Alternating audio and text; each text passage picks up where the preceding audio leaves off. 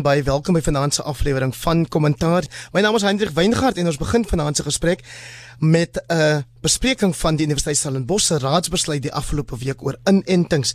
En daarna stel ek ons paneelkundiges aan die woord om onder meer oor die plaaslike verkiesings te praat. So my eerste twee gaste is professor Wim De Villiers. Hy is die rektor en fisiekanselier van die Universiteit Stellenbosch. Prof, goeienaand. Goeienaand, Hendrik. En saam met hom Piet Leroux, hy is van uh, die hy is die uitvoerende hoof van die organisasie Sake Liga. Goeienaand aan jou ook Piet. Goeienaand Dawie, goeienaand professor De Villiers.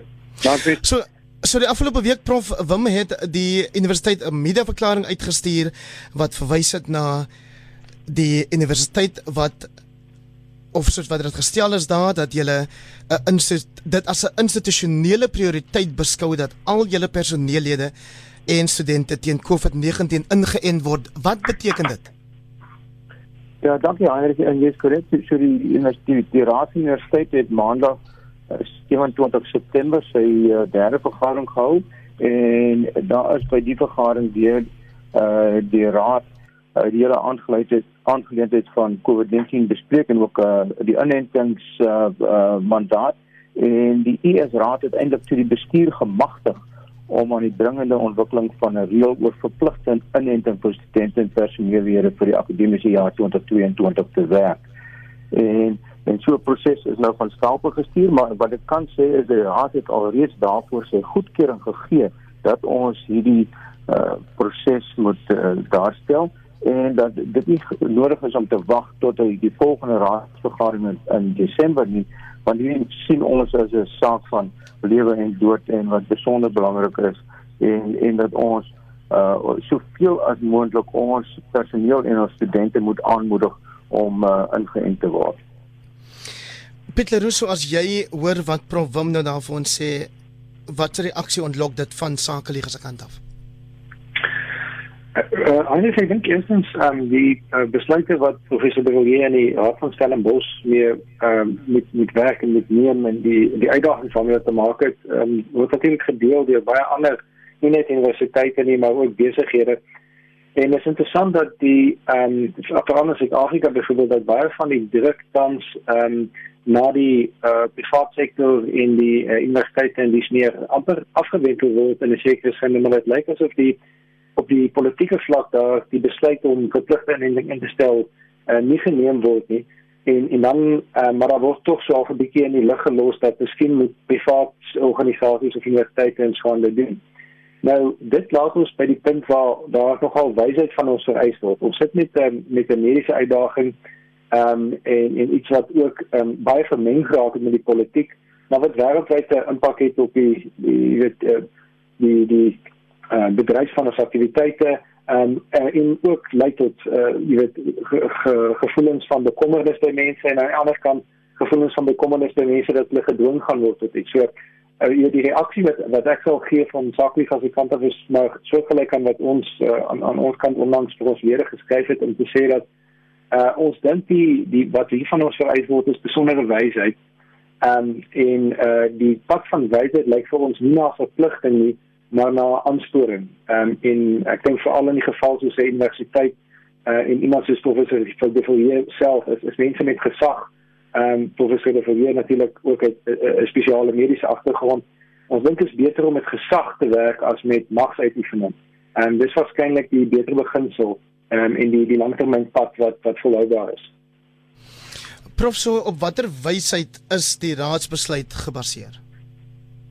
Ja, ek dink uh, laat net eers sê ek dink uh, Piet is heeltemal korrek. Mense moet hierdie ding soveel as moontlik skei van die politiek as dit moontlik is om dit te doen. En dit gaan oor uh openbare welsyn.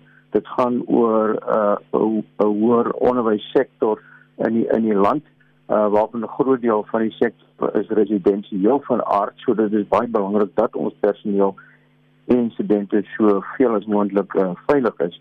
En die ander ding wat hy ook noem is dat ek dink 'n aansporingsmaatreël is baie belangrik, maar op die ou einde uh het ons ook 'n verantwoordelikheid teenoor ons personeel, studente en die algemene publiek. So in in daardie sin dink ek verwelkom ek besonder hierdie en ons het nou in die media gelees uh dat môre gaan die daar 'n QR kode sertifikaat uh, uitgereik word aan die wat daar reeds ingeënt word. So dit heel wat uh, makliker gaan maak om om te sien uh, wie ingeënt is en wie nie ingeënt is nie. Uh ek dink daar is verskillende maniere hoe mens so so aansporingsmaatreël of 'n uh, nudge factor kan kan inbou in in die in die hele uh proses. Ek is onder van die Europese reis af uh, teruggekom in beide in Duitsland en en in Brittanje waar die algemene inentings ehm um, syfer nou amper by die 80% is en dit is vir my uh, verstommend om te sien en baie bemoedigend om te sien watter uh eintlik 'n vrymakende effek dit het op die op die samelewing. So mense kan dit op verskillende maniere doen. Mense kan toon dat hulle beskerm is of uh, teen teen COVID. Mense kan doen deur uh, deur 'n inentingssertifikaat, bewyse van 'n vorige infeksie moontlik uh en ook negatiewe toetsing wat mense op 'n gedeelde basis moet doen. Daar is 'n verskeidenheid van hierdie faktore beskikbaar. Maar ek dink dit is absoluut absoluut um, noodsaaklik vir 'n universiteit soos uh Universiteit Stellenbosch wat 'n uh, residensiële universiteit is dat ons uh so stelselmatig ons vinnig as moontlik na na 'n uh, 'n mate van normaliteit kan terugkeer uh vir ons studente en personeel op op kampus. Piet en ek dog dan ons beweeg nou juis weens COVID onder andere na 'n uh, amper 'n bietjie weg van 'n uh, universiteit as 'n residensiële universiteit maar kom ons sê maar meer aanlyn. Ja, ek dink jy mens moet die uh inentings as 'n vereiste vir normaliteit stel nie. Ehm um, mens wil graag na normaliteit terugkeer en ek dink die uh die wat wat wat is verstaan van die van die mediese kenners onder ons en um, professor De Villiers ehm um, ek dink sou daar iets standpunt beamoen is dat uh, die die inentings kan lei tot 'n versnelde uh, immuniteitsopbou onder die uh, bevolking en kan lei tot um, minder heftige reaksies by infeksie, um, minder ernstige siekte en dis meer. Maar ehm um, onthou toe ons uh, 18 maande gelede van die siekte begin bewus word het, ehm um, het ons nie geweet tot tot teen wanneer en hoe vinnig ons inenting sou kan ontwikkel nie. Die inenting is baie vinniger ontwikkel as wat die mens uh, gelukkig verwag het. Met ander woorde, is vinniger beskikbaar. Ehm um, maar uh, veronderstel ons wag net posisie waar daar nie inentings was nie. Sou ons dan op die pad van abnormaliteit voortgegaan het of sou ons ehm um, ander maatreëls geneem het? Sou ons ons sou ons die feit dat Discovery raam dat ongeveer 80% van die bevolking in Suid-Afrika reeds aan 'n eerste ronde van uh, infeksie blootgestel is, sou ons dit verwelkom. Ek dink ons moet. Ek dink ons is ehm um, ek dink ons moet ons moet baie ywerig wees om te sê dat die uh, swaar van die inperking wat polities oor ons gehou word 'n rede is om 'n 'n nuwe vorm van magsuitovering in die samelewing uit te oefen. Ehm um, ons dis 'n ongekende stap wat ons wat ons hier uh, begaan en terwyl ons eintlik en dis miskien ekstra interessant in die geval van die universiteit ek sou graag die die uh, professor se mening daaroor hoor maar die wetenskap werk met uh, hipoteses veral in die in die fisiese wetenskappe en die mediese wetenskap ons werk met hipoteses en dan um, dan uh, een van die vereistes is dat daardie hipoteses hersienbaar is Maar sodra ons ons ehm um, verder as die punt van gesag gaan om met gesag oor die hipoteses te praat tot by die punt van mag waar ons ehm um, uh, dwang begin uitoefen op grond van 'n hipotese wat ons aan die een kant aanvoer hersienbaar is, maar dan terselfdertyd ehm um, oh, jy weet finale besluite van mag begin neem op grond daarvan en dwang begin instel, dan dan dink ek tree ons se tree verder as wat die wetenskap ons toelaat.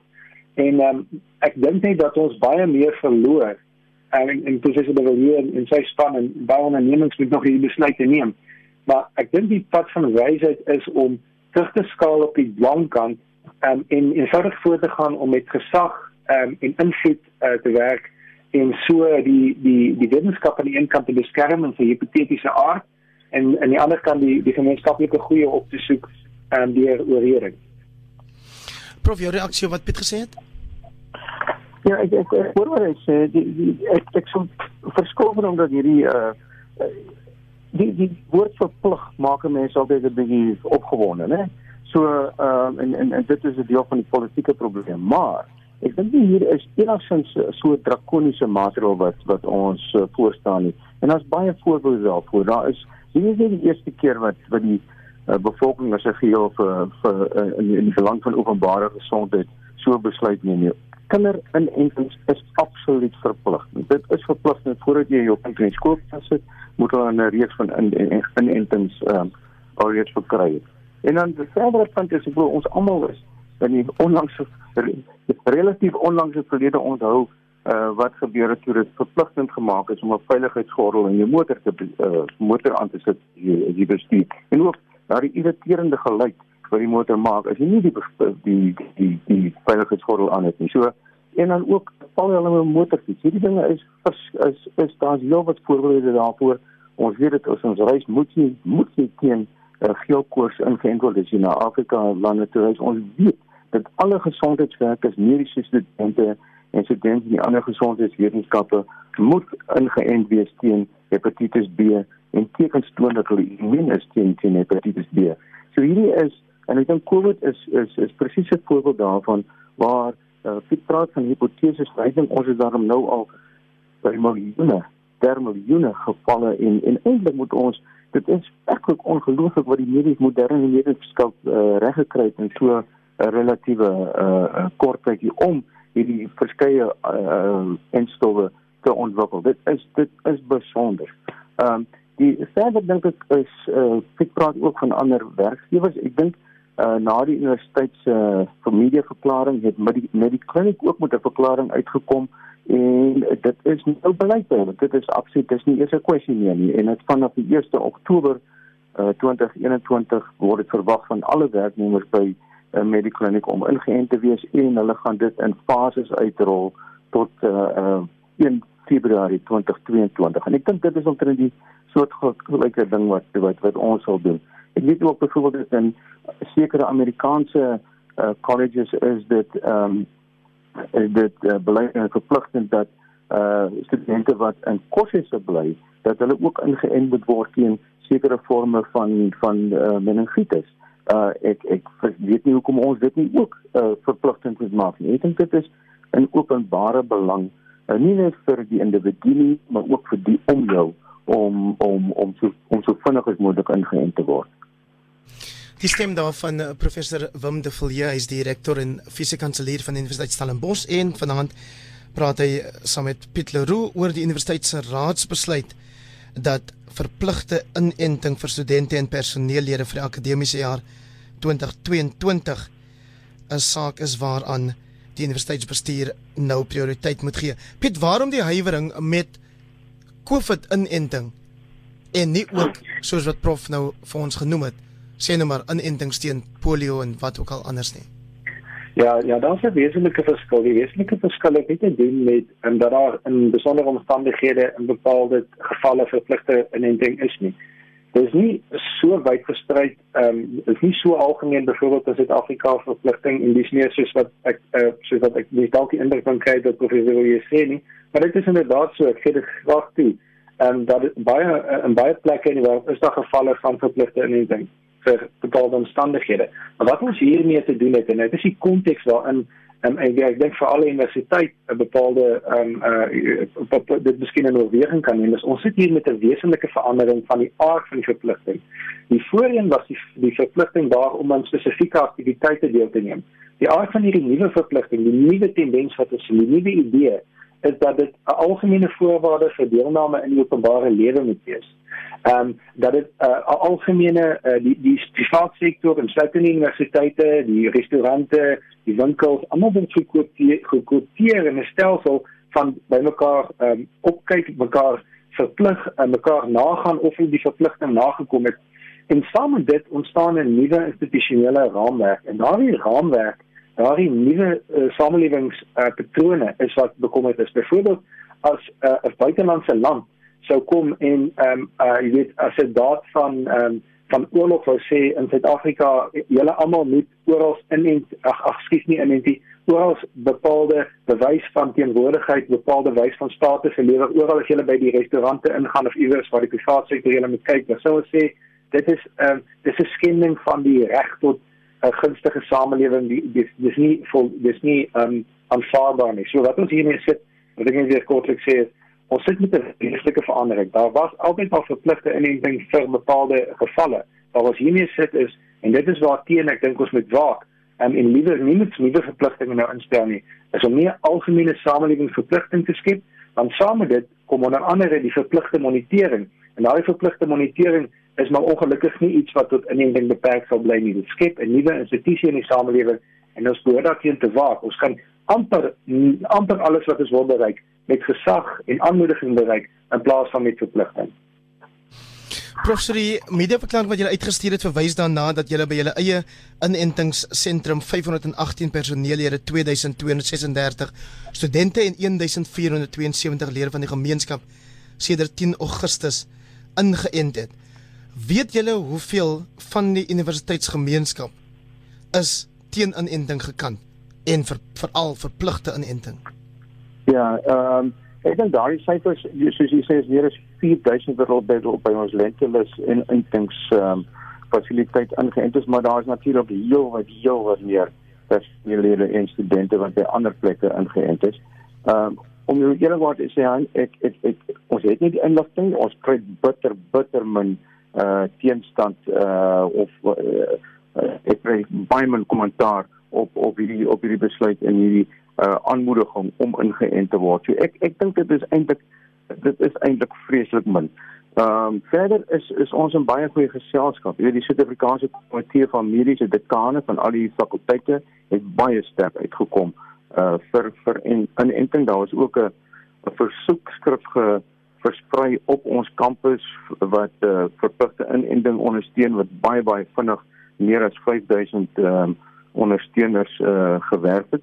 En dan verder is ek die voorsitter van van Higher Health. Nou Higher Health is die liggaam onder ISAF Universiteit in Suid-Afrika wat al 26 openbare universiteite verteenwoordig wat kyk na die uh gesondheidsaspekte beide voorkomend uh en ook uh sekere behandelingsaspekte van alle uh uh, uh tersiêre uh postsekondêre uh studente in die in die in die sektor en dit is omtrent uh, 2.2 miljoen studente beide die in die openbare uh, sektor uh, uh, openbare universiteite wat omtrent oor die 950 000 is en dan die ander in die in die tegniese ambags en opleidingskolleges. So dis 2.2 miljoen en dit is ook 'n baie sterk mandaat van hulle kant af uh om om hierdie om hierdie uh, storie so aan om hierdie kwessie so aan te spreek.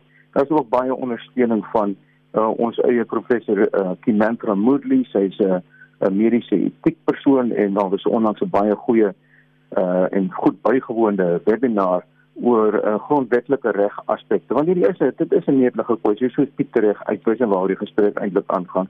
En dis dit is 'n interessante kwessie, maar ek dink ons moet ons moet wegbeweeg van die interessantheid daarvan, uh maar dit hierdie is 'n saak van lewe en dood. Baie baie goed, Hendrik, baie goed is 'n saak van lewe en dood. Ehm um, die die byvoorbeeld as ons die die uh die argument gebruik wat ons nou gebruik om hierdie inenting verpligtend te maak dan kan ons baie uh baie verder gaan baie wesenlike ingrepe op die en uh, persoonlike sorg van die persoonlike mediese ingrepe sou ons kon regverdig in die toekoms op grond van 'n saak van lewe en dood. Ons is gelukkig 18 maande later ehm um, tot 'n so mate dat die ehm um, inenting ons baie help ehm um, interessante tyd dat die vlak van natuurlike infeksies en dis meer professor de Villiers self daarna verwys. Ehm um, eh uh, ons punt waar ons dieselfde kan bereik maar baie minder. Ehm um, en ek dink ons ons kan ehm um, ons kan met wysheid liewer versigtig trap en ons kan alles bereik wat ons wil. Uh, so so ek voorstel ek dink professor de Villiers gaan 95% bereik wat hulle kan um, sonder al die gevare van van 'n nuwe vorm van maatskaplike verpligting. Piet dis 'n uh SMS van Samuel Walters van Volvleidam Gouda. Hy sê verpligte inenting is ongrondwetlik. Dis 'n mediese waagstuk, maar dan ook hierdie boodskap van Rika Gerber waarop ek wil hê jy moet reageer. Sy sê skole behoort ook verpligte inenting te oorweeg. My 17-jarige kleindogter het die afgelope week COVID opgedoen. Jou reaksie? Um, I think the um as the the um as die uh die feit dat uh kyk so eerstens laat ons sê um mense gaan die siekte uh kry die wonderlike ding wat ons weet is dat covid tot 'n baie groot mate uh, ouderdomsrisiko mee gepaard gaan so dis nie verbaasend dat uh, die jong mense dit kry nie um en ons is wel uh ons is wel ek dink in die die wonderlike posisie dat selfs medisy professor de Villiers of waarskynlik van sy kollegas ken en dis meer daar's 'n internasionale debat wat sê dat ja laer af ons in die in die ouderdomskerke gaan onseker word die voordele wat ons moet neem. Nou ek is nie uh, toegerus om oor die mediese uh, kanse die kant op daai kant te praat op ouderdom nie. Maar ons moet begin besef dat sodra ons oor verpligting praat op skole en universiteite, dan neem ons vir ouers en vir kinders en vir mediese wat verskil oor die saak. Want party gaan die grens op 18 betrek, party gaan dit op 12 trek, party gaan dit op 0 trek, party gaan dit op 30 trek. Ek weet nie. Maar sodra ons met verpligting werk, doen ons een oplossing vir almal af en ehm um, ontdoen ons onsself van die hipotese waarmee ons moet werk in die wetenskap, naamlik dat ons kan aanpas. Ehm um, so ek dink ons ons kan alles kan bereik wat ons wil deur met aanmoediging te werk eerder as 'n verpligting. Die verpligting van indenting gaan nie daardie dame beskerm teen haar dogter se siekte nie. Um, ons almal weet reeds dat met inenting jy steeds die siekte kan kry.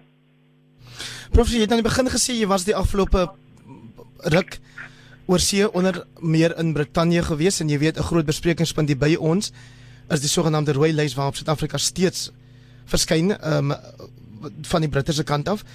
Ek wil net vra hoeveel het jou 10 dae in die hotel gekos verpligte kwarantyne, maar dalk kan jy iets sê oor daai kwessie?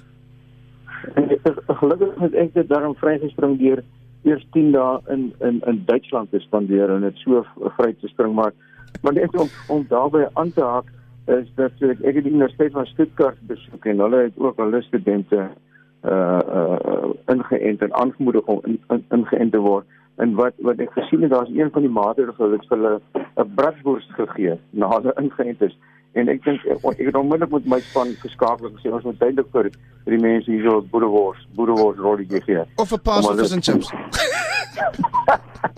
Ja ja maar ook en ek het ook met die met die ander met die ander idee na vore gekom. Weet ons die sogenaamde uh in in in ek gaan vir jou 'n prys gee as jy my mooi Afrikaanse vertaling kan gee.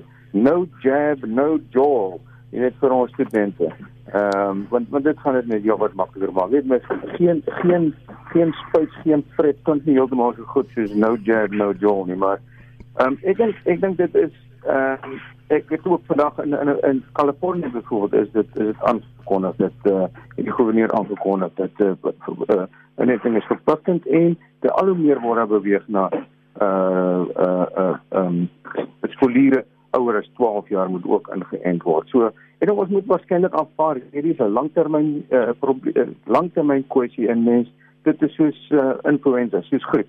Eh uh, mense gaan waarskynlik elke jaar uh of of, watter dosis kan nodig hê om hier teen ingeënt te word. Die ander kwessie is net daar is baie baie goeie data uh beskikbaar nou dat van die afgelope tyd van die Tygerberg Hospitaal en Groote Skuur Hospitaal pasiënte met COVID-19 wat in die hospitaal toegelaat word of in hoë sorgeenhede toegelaat word of in intensiewe sorgeenhede toegelaat word is is omtrent almal die wat nie ingeënt is nie. So inentings vrywaar of beskerm vrywaar nie of beskerm jou teen hierdie ernstige infeksies, hospitalisasies en dood. Baie baie dankie professor Wim de Villiers vir jou deelname vanaand aan ons program. Ek waardeer dit. Ten seerste en dan ook baie dankie aan Piet Leroux van Sake Liga wat vanaand gepraat het oor die Universiteit van Stellenbosch of die Universiteit Stellenbosch se raadsbesluit dat verpligte inenting 'n werklikheid moet raak vir die universiteitsgemeenskap. Ek verwelkom nou vir Cameron Dagmo van die ANC, hy is die Weskaapse verkiesingshoof van die party. Cameron, goeienaand. Hi, goeienaand. I'm Heinrich, baie dankie vir die geleentheid. Saam met hom vanaand die onafhanklike kommentator Crispin Son. Crispin, lekker om jou weer terug te hê. Dankie. Dankie vir die uitnodiging. En dan uh, professor Andre Dievenage, hy is 'n politieke kommentator en leier van die Noordwes Universiteit se sakeskool. Prof, altyd lekker om jou op die program te hê.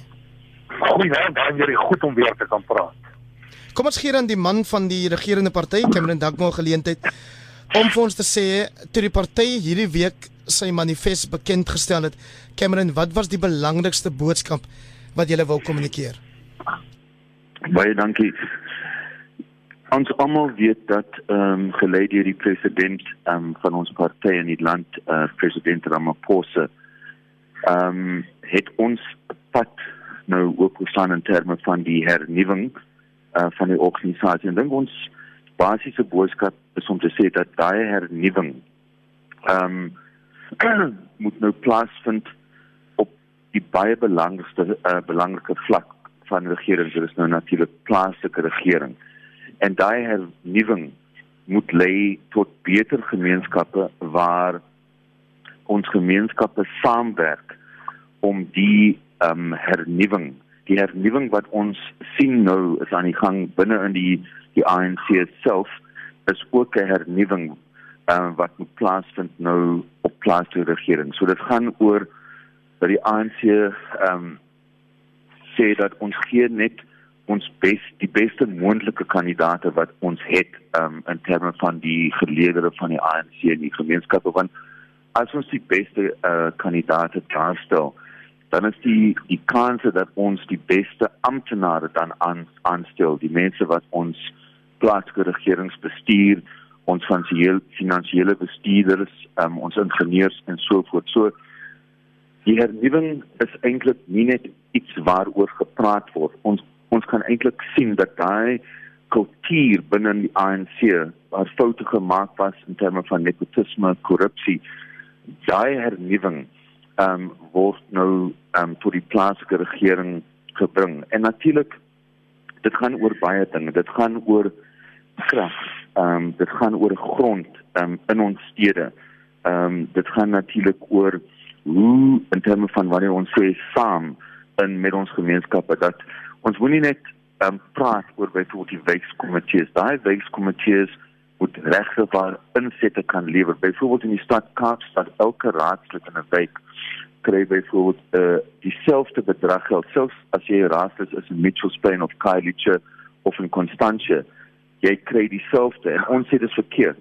Want op die einde van die dag, ehm um, daar moet 'n situasie wees waar die raadslede wat werk in ons armste gebiede dat die bronne wat hulle kry op daai vlak moet natuurlik groter wees want die ongelykhede is nog steeds ehm um, daar. Ehm um, jy weet die grondwet van ons land sê byvoorbeeld dat plaaslike regering het 'n verantwoordelikheid wanneer dit kom by wanneer dit kom by ehm um, die onderwys uh, gee vir ons kinders uh, sogenaamde early childhood ontwikkeling en dan ook local economic development ons het 'n situasie byvoorbeeld in die stadskaapstad en van die ander stede um, en dorpe in die Weskaap waar klein besigheid uh, mense sukkel om eintlik um, hulle goedere te laat verkoop want daar's 'n hele klomp romslomp. Um, ons ekonomie is eintlik gefokus op mense wat bevestig is en ons weet almal dat die manier hoe ons werk kan skep is om eintlik die sektor die, die klein besigheidsmense um, te, te laat floreer binne in ons gemeenskappe en daar is groot probleme en ons sê ook die plaaslike ekonomiese ontwikkeling is baie belangrik in elke dorp in in die Weskaap sowel as die die stad uh, Kaapstad. Maar ons sê ook dat ons soek munisipaliteite wat eintlik finansiëel stabiel is. Um, ons moet seker maak dat die begrotings klop ehm um, dat met die toelaag wat gekry word deur nasionaal daai toelaag word aangewend. Ons kan nie 'n situasie hê waar byvoorbeeld waar in die stad Kaapstad wat onder beheer is van die DA 1.8 biljoen rand teruggegee het um, na die fiskus omdat hulle dit nie gespandeer het op die opgradering van informele nedersettings. So daar moet die finansiële stabiliteit wees en natuurlik veiligheid. Ehm um, nie veiligheid vir vroumense, vir kinders.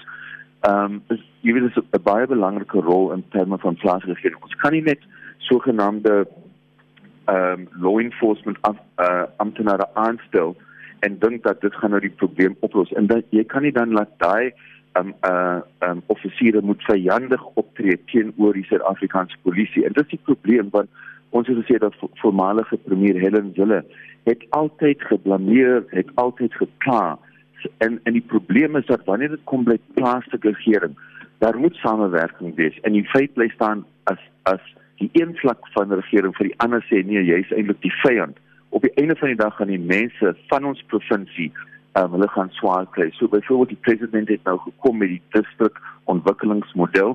Het selfs so ver gegaan om ministers aan vir minister De Lille vir die Oeverberg um, het na Lady Pandor en Betty uh, Taylor aangestel in Stad-Kaapstad, Barbara Creasy vir die Weskus, Brian Patel um, vir die Boland en uh, minister deputy minister Pam Chete vir um, die Karoo en dan Alvin Botha ons uh, onder uh, deputy minister.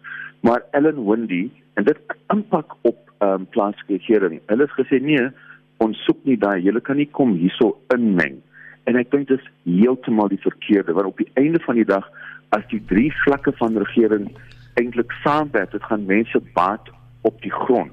Uh, jy weet mense kla nou dat uh, dat nie genoeg uh, grond nie, maar as ons die grond wat byvoorbeeld behoort aan die munisipaliteite saamsit met die van die provinsie van ons uh um sogenaamde parastatal en dan die nasionale grond ook.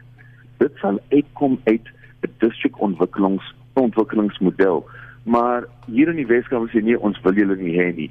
En dit is eintlik vir die benadeling van ons mense. So en dis 'n paar van die punte Goed. Uh, van, ek, wat ons wil op die tafel sit. Jy's 'n lid van die Weskaapse wetgewer, jy weet daar is 'n speaker wat gaan sê agbare lid jou tyd is verstreke. Ek het nou nie daai magte nie, maar ek sal dit waardeer as jy bietjie korter kan antwoord asseblief want okay, ons wil uiteraard 100%. van die kwessies ehm um, uh, breedvoerig deurtrap. Jou geleentheid dan nou ehm um, Crispinson om vir ons te sê wat was jou indruk van die ANC se manifest wat bekend gestel is? Ja, dankie. Kyk, anders dan dan baie om te sê, ehm um, in is 'n redelike volledige manifest. Ehm um, ek dink eh uh, die Sandsburg kan ons sê in die in die inleiding van die manifest ehm um, sê die president en die ANC dat hulle kies die pad van eenheid eh uh, dat die party eh kies die pad van harde werk, ontwikkeling, inklusiwiteit en gedeelde vooruitgang. Nou op breë trekke is dit mos nou natuurlik iets wat hy enige burger sal aanklank vind. Die vraag wat ons deurlopend vra en wat ons deurlopend vir die ANC vra en oor die ANC bespiegel is as as hulle praat van eenheid, praat hulle van eenheid van die party of praat hulle van eenheid oor die land. Um, maar as jy praat van harde werk ontwikkeling, is dit nou nou breedvoerig is dit is dit is dit die die die onderwerp wat hulle almal van aankloop ehm uh, um, uh, aan aanklank vind. Maar waar is meer sinies oor is is dat is twee goed.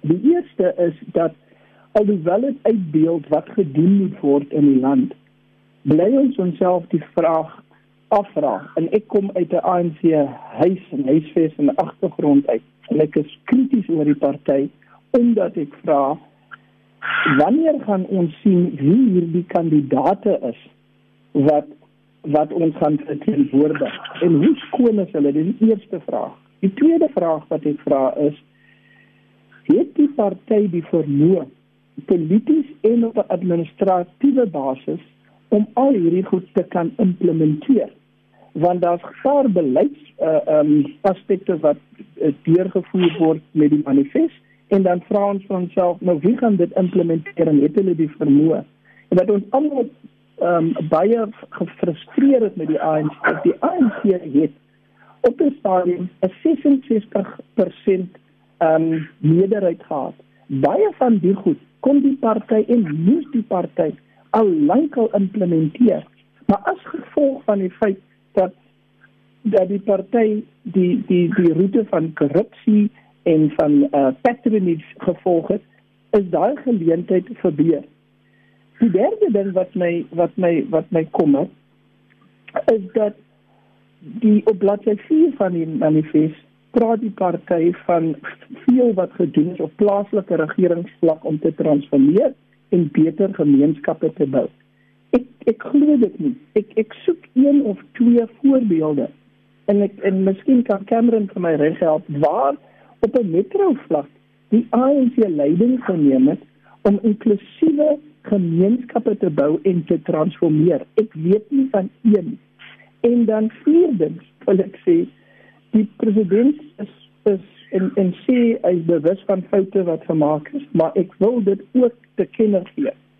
Die ANC in die manifest praat van korrupsie hokslaan en ek moet sê dat ek daarin glo ek. Ek begin meer en meer optimisties raak deur te sien wat gedoen word as die ons is nou in 'n politieke tyd waar partye baie ehm um, baie te sê het oor die oor die leidende party en veral ook korrupsie.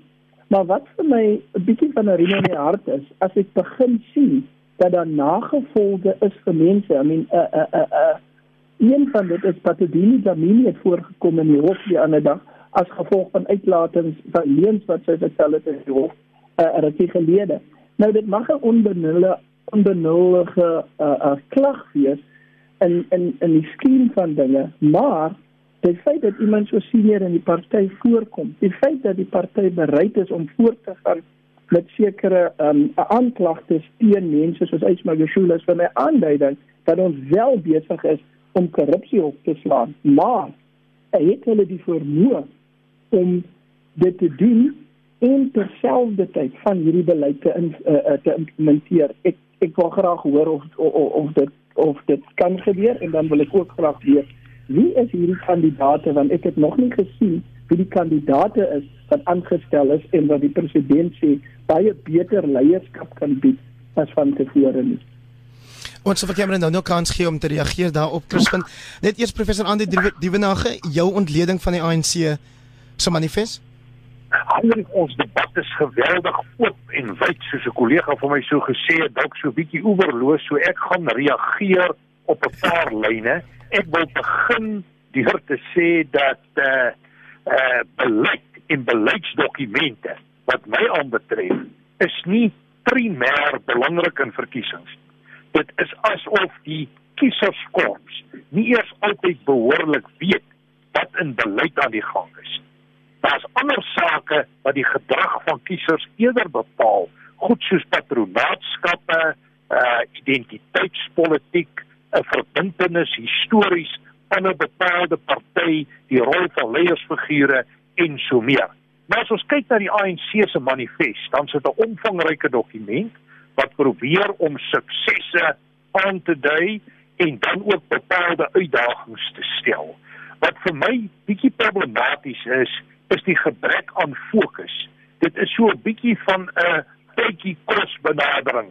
Dit lyk of daar klem op letterlik alles gegooi word en of dit 'n dokument is wat streef om volledig te wees en nie spesifiek te wees nie. Uh, om al die ou kwessies maar net weer te lys en te beklemtoon, is ek nie oortuig dat ons gaan vorentoe neem nie. Uh dit gaan hier eerder oor die implementering van hierdie kwessies.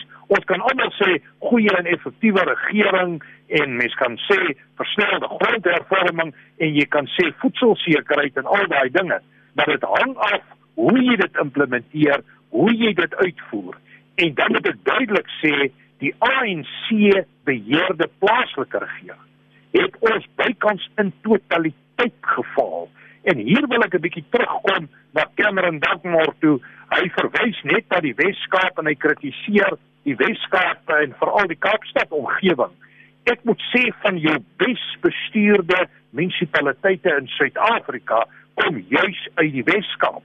En ons moet ja, ANC moet eerder hand in eie boesem steek en ek kyk sommer hier na my eie provinsie waar letterlik omtrent al die plaaslike strukture van kwates uh disfunksioneel is en die meeste van hulle onder artikel 139 staan terwyl die hele provinsie ook onder administrasie is en die ANC se provinsiale vlak nie eers verkies is nie maar 'n interim provinsiale komitee het. So daai chaos moet hanteer word. Uh, Cameron het ook verwys na die party en die vernuwing van die party. Ek moet eerlik sê ek sien baie min van die vernuwing van die party. Ek sien eerder 'n party wat toenemend disfunksioneel word.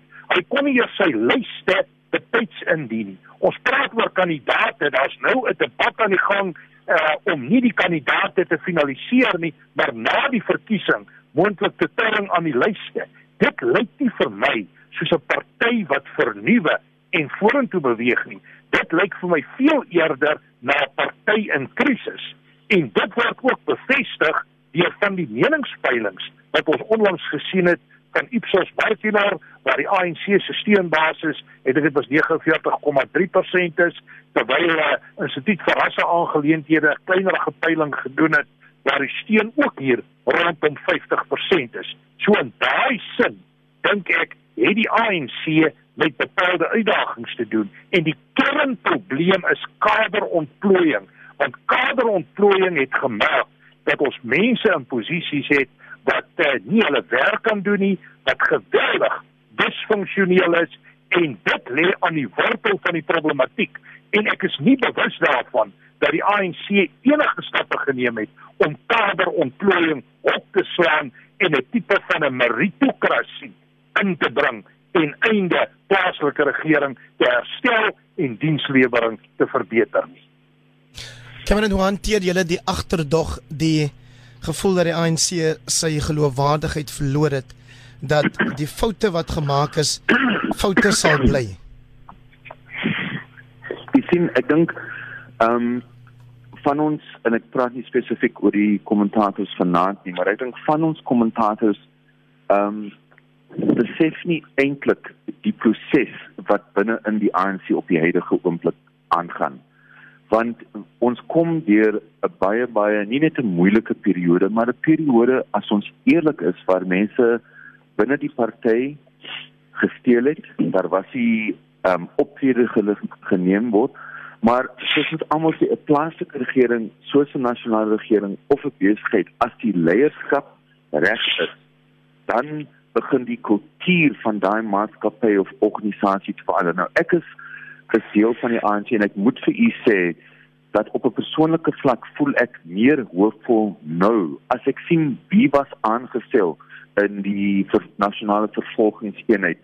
Die feit dat die ehm um, spesiale ondersoekeenheid doen die werk wat hulle nou doen. Die feit dat die skade wat aangerig is aan die hoks is besig um, om nou herstel te word. Die werk wat die ouditeur-generaal gedoen het.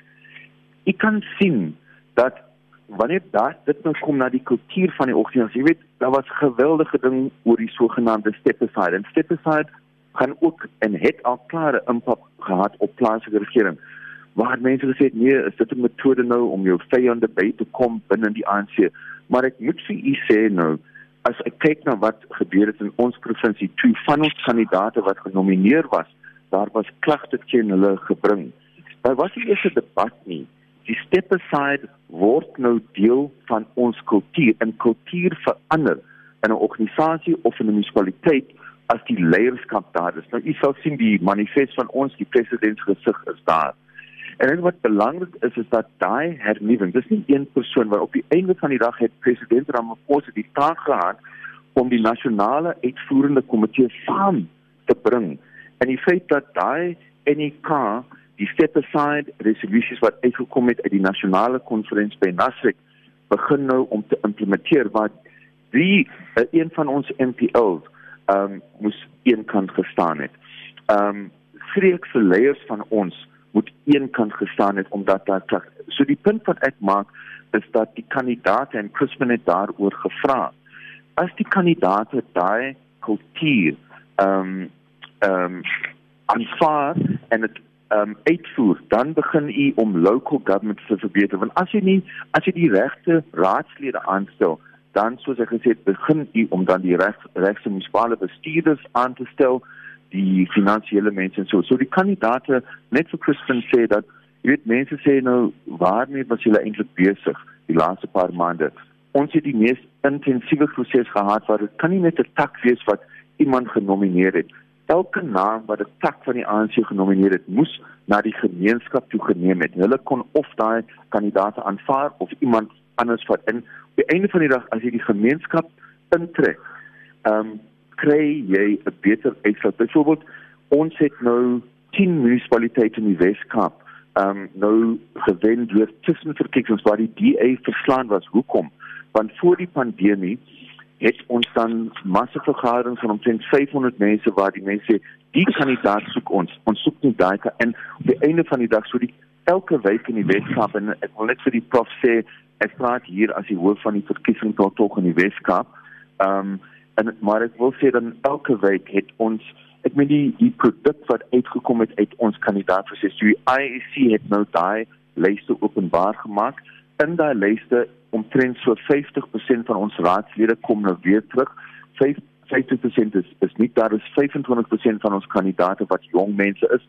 Amper 50% is vroumense en die ANC is 'n organisasie wat geweldig talent het maar die probleem was daar was sogenaamde gatekeeping waar 'n goeie jong professionele persoon was uitgehou omdat hy of sy nie in daai faksie was en as jy kyk na die manifest maar nie net die manifest die feit dat die regering se beleid en die wette op plaaslike regering hoe om senior amptenare aan. Dit was verander. Daar moet 'n minimum kriteria wees in terme van ondervinding, in terme van um, vaardighede en ek kan al klaar sien hoe dit begin om te impak. So die kandidaate sowel as die amptenare is die mense wat jy nodig het om 'n impak te maak op lewering. Implementation, Christmas geplaas het bekommernis oor helikos van implementasie.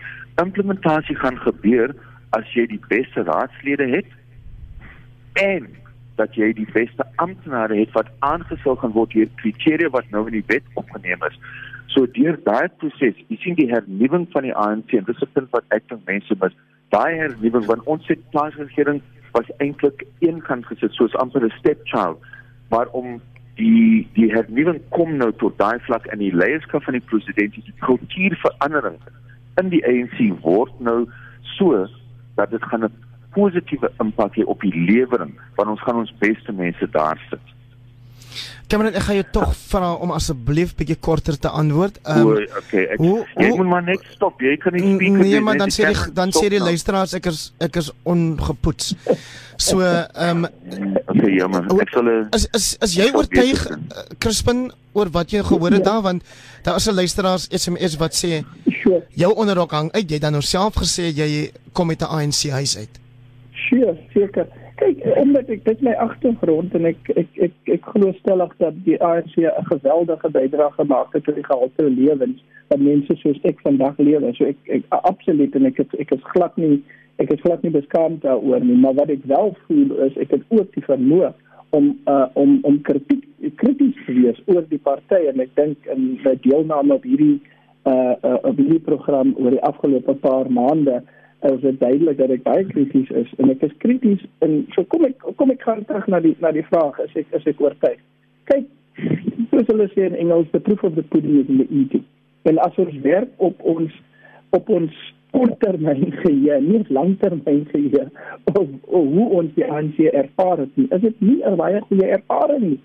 Um, ons weet dat in die die die nege verlore jare soos hulle sê in die Jacob Zuma bewind en voor die Jacob Zuma bewind het die land geweldig agteruit gegaan. En so dis hoekom ek praat, dis hoekom ek so sinies is oor hierdie konsep van 'n visie van eenheid, harde werk, ontwikkeling, inklusiwiteit en verdeelde vooruitgang. Ek is ek is ek is sinies, maar ek moet natuurlik sê ek moet die party die geleentheid gee om te sê bewys my verkeerd. En hoe hulle ons verkeerd kan bewys is ons wil graag die name van die kandidaate sien wat wel dit gaan uitvoer en implementeer. Dis die eerste ding. Die tweede ding, en ek dink soos ehm um, een van van my medegaste nou gesê het, is dat dat die die daar daar moet 'n fokus wees. Een van ons grootste probleme in die land is werkloosheid. So kom ons sê net werkloosheid en armoede.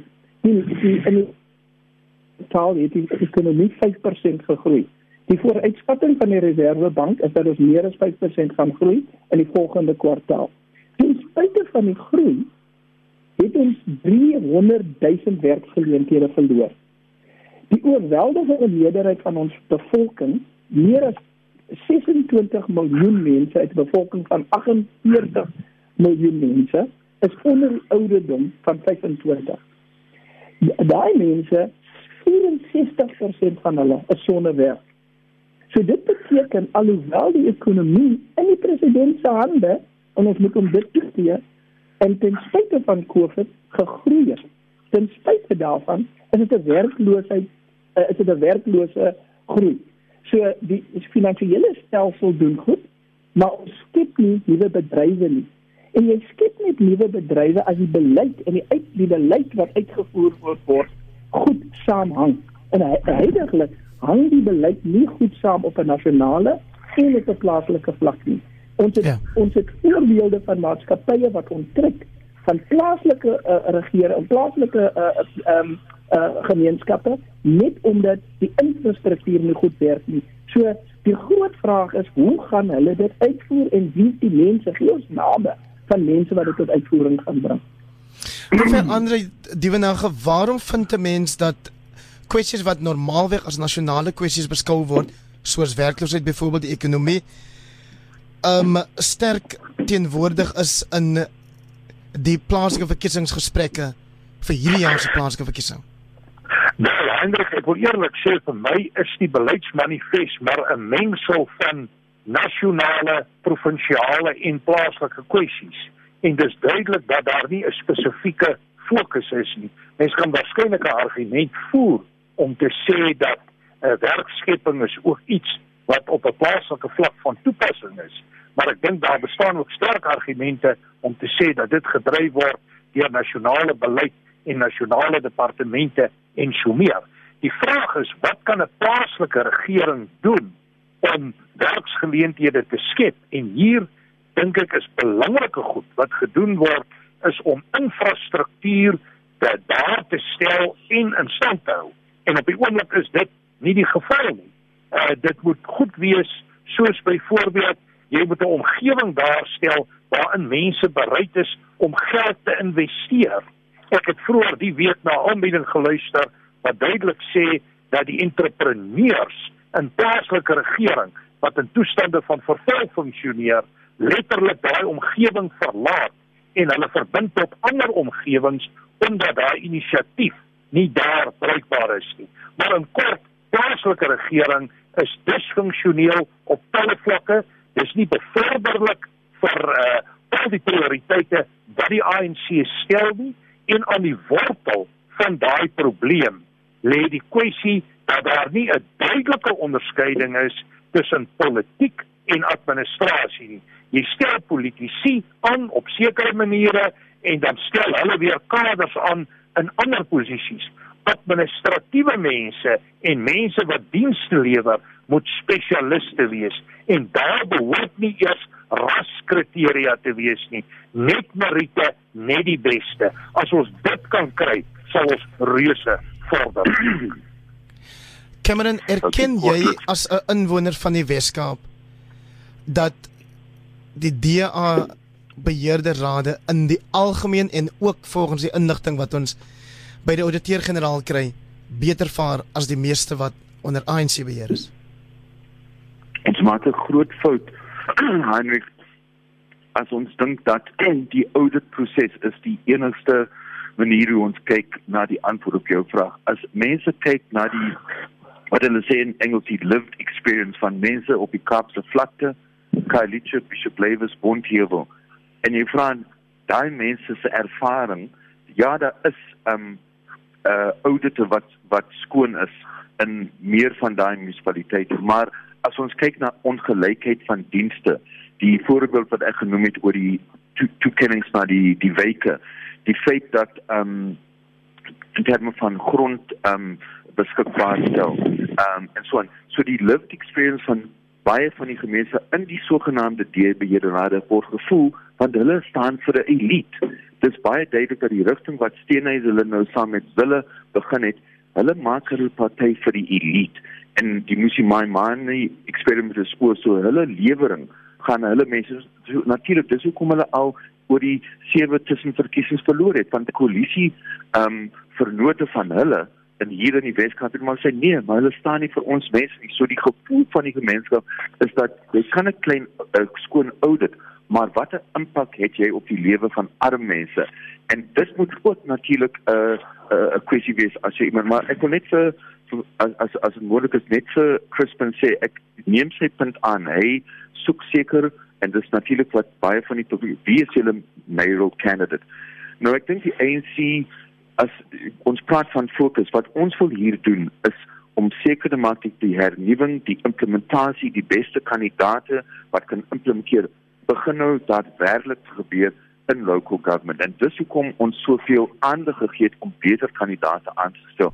Want as jy dit nie doen nie, so die hernuwing is as as die professor praat oor die fokus.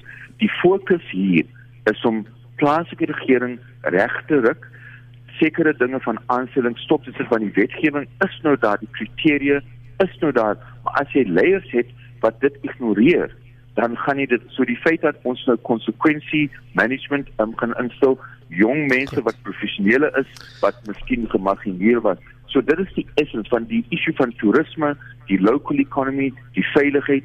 Dit gaan vloei as ons die leierskap en die uh, competence uh, vlakke verbeter op plaaslike vlak en ek dis in essence wat die ANC hier um eintlik sê. En al daai issue die mes aan die die mes improvement vir die jeug daar is nog steeds 'n rol vir openbare um werksprogramme. Die feit dat soveel jong mense plaaslike regering het 'n rol as mense strate skoonmaak as daar um ekonomiese projekte ons moet die jeug inbring in, in openbare werkskepping maar op die einde van die dag gaan soek jong mense om die toerisme wat in ons uh, stad en provinsie eintlik wit is die eienaarskap van toerisme. So as jy jong swart brein en swart mense inbring in die toerisme dat hulle kan baat nie net werk dis wat ons praat wat belangrik is Cameron baie dankie um 30 sekondes asseblief Crispin vir jou om te sê of dit werklik soveel verskil maak as jy weet wie die burgemeesterskandidaat is van 'n party terwyl die partye se beleid op nasionale vlak tot bepaal wat gebeur op plaaslike vlak. Absoluut. En, en ek wil sê die karakter van die persoon en die persoon se rekord sal bepaal of die persoon vermoë het, die kompetensie het en die integriteit het om gestalte te gee aan hierdie manifest.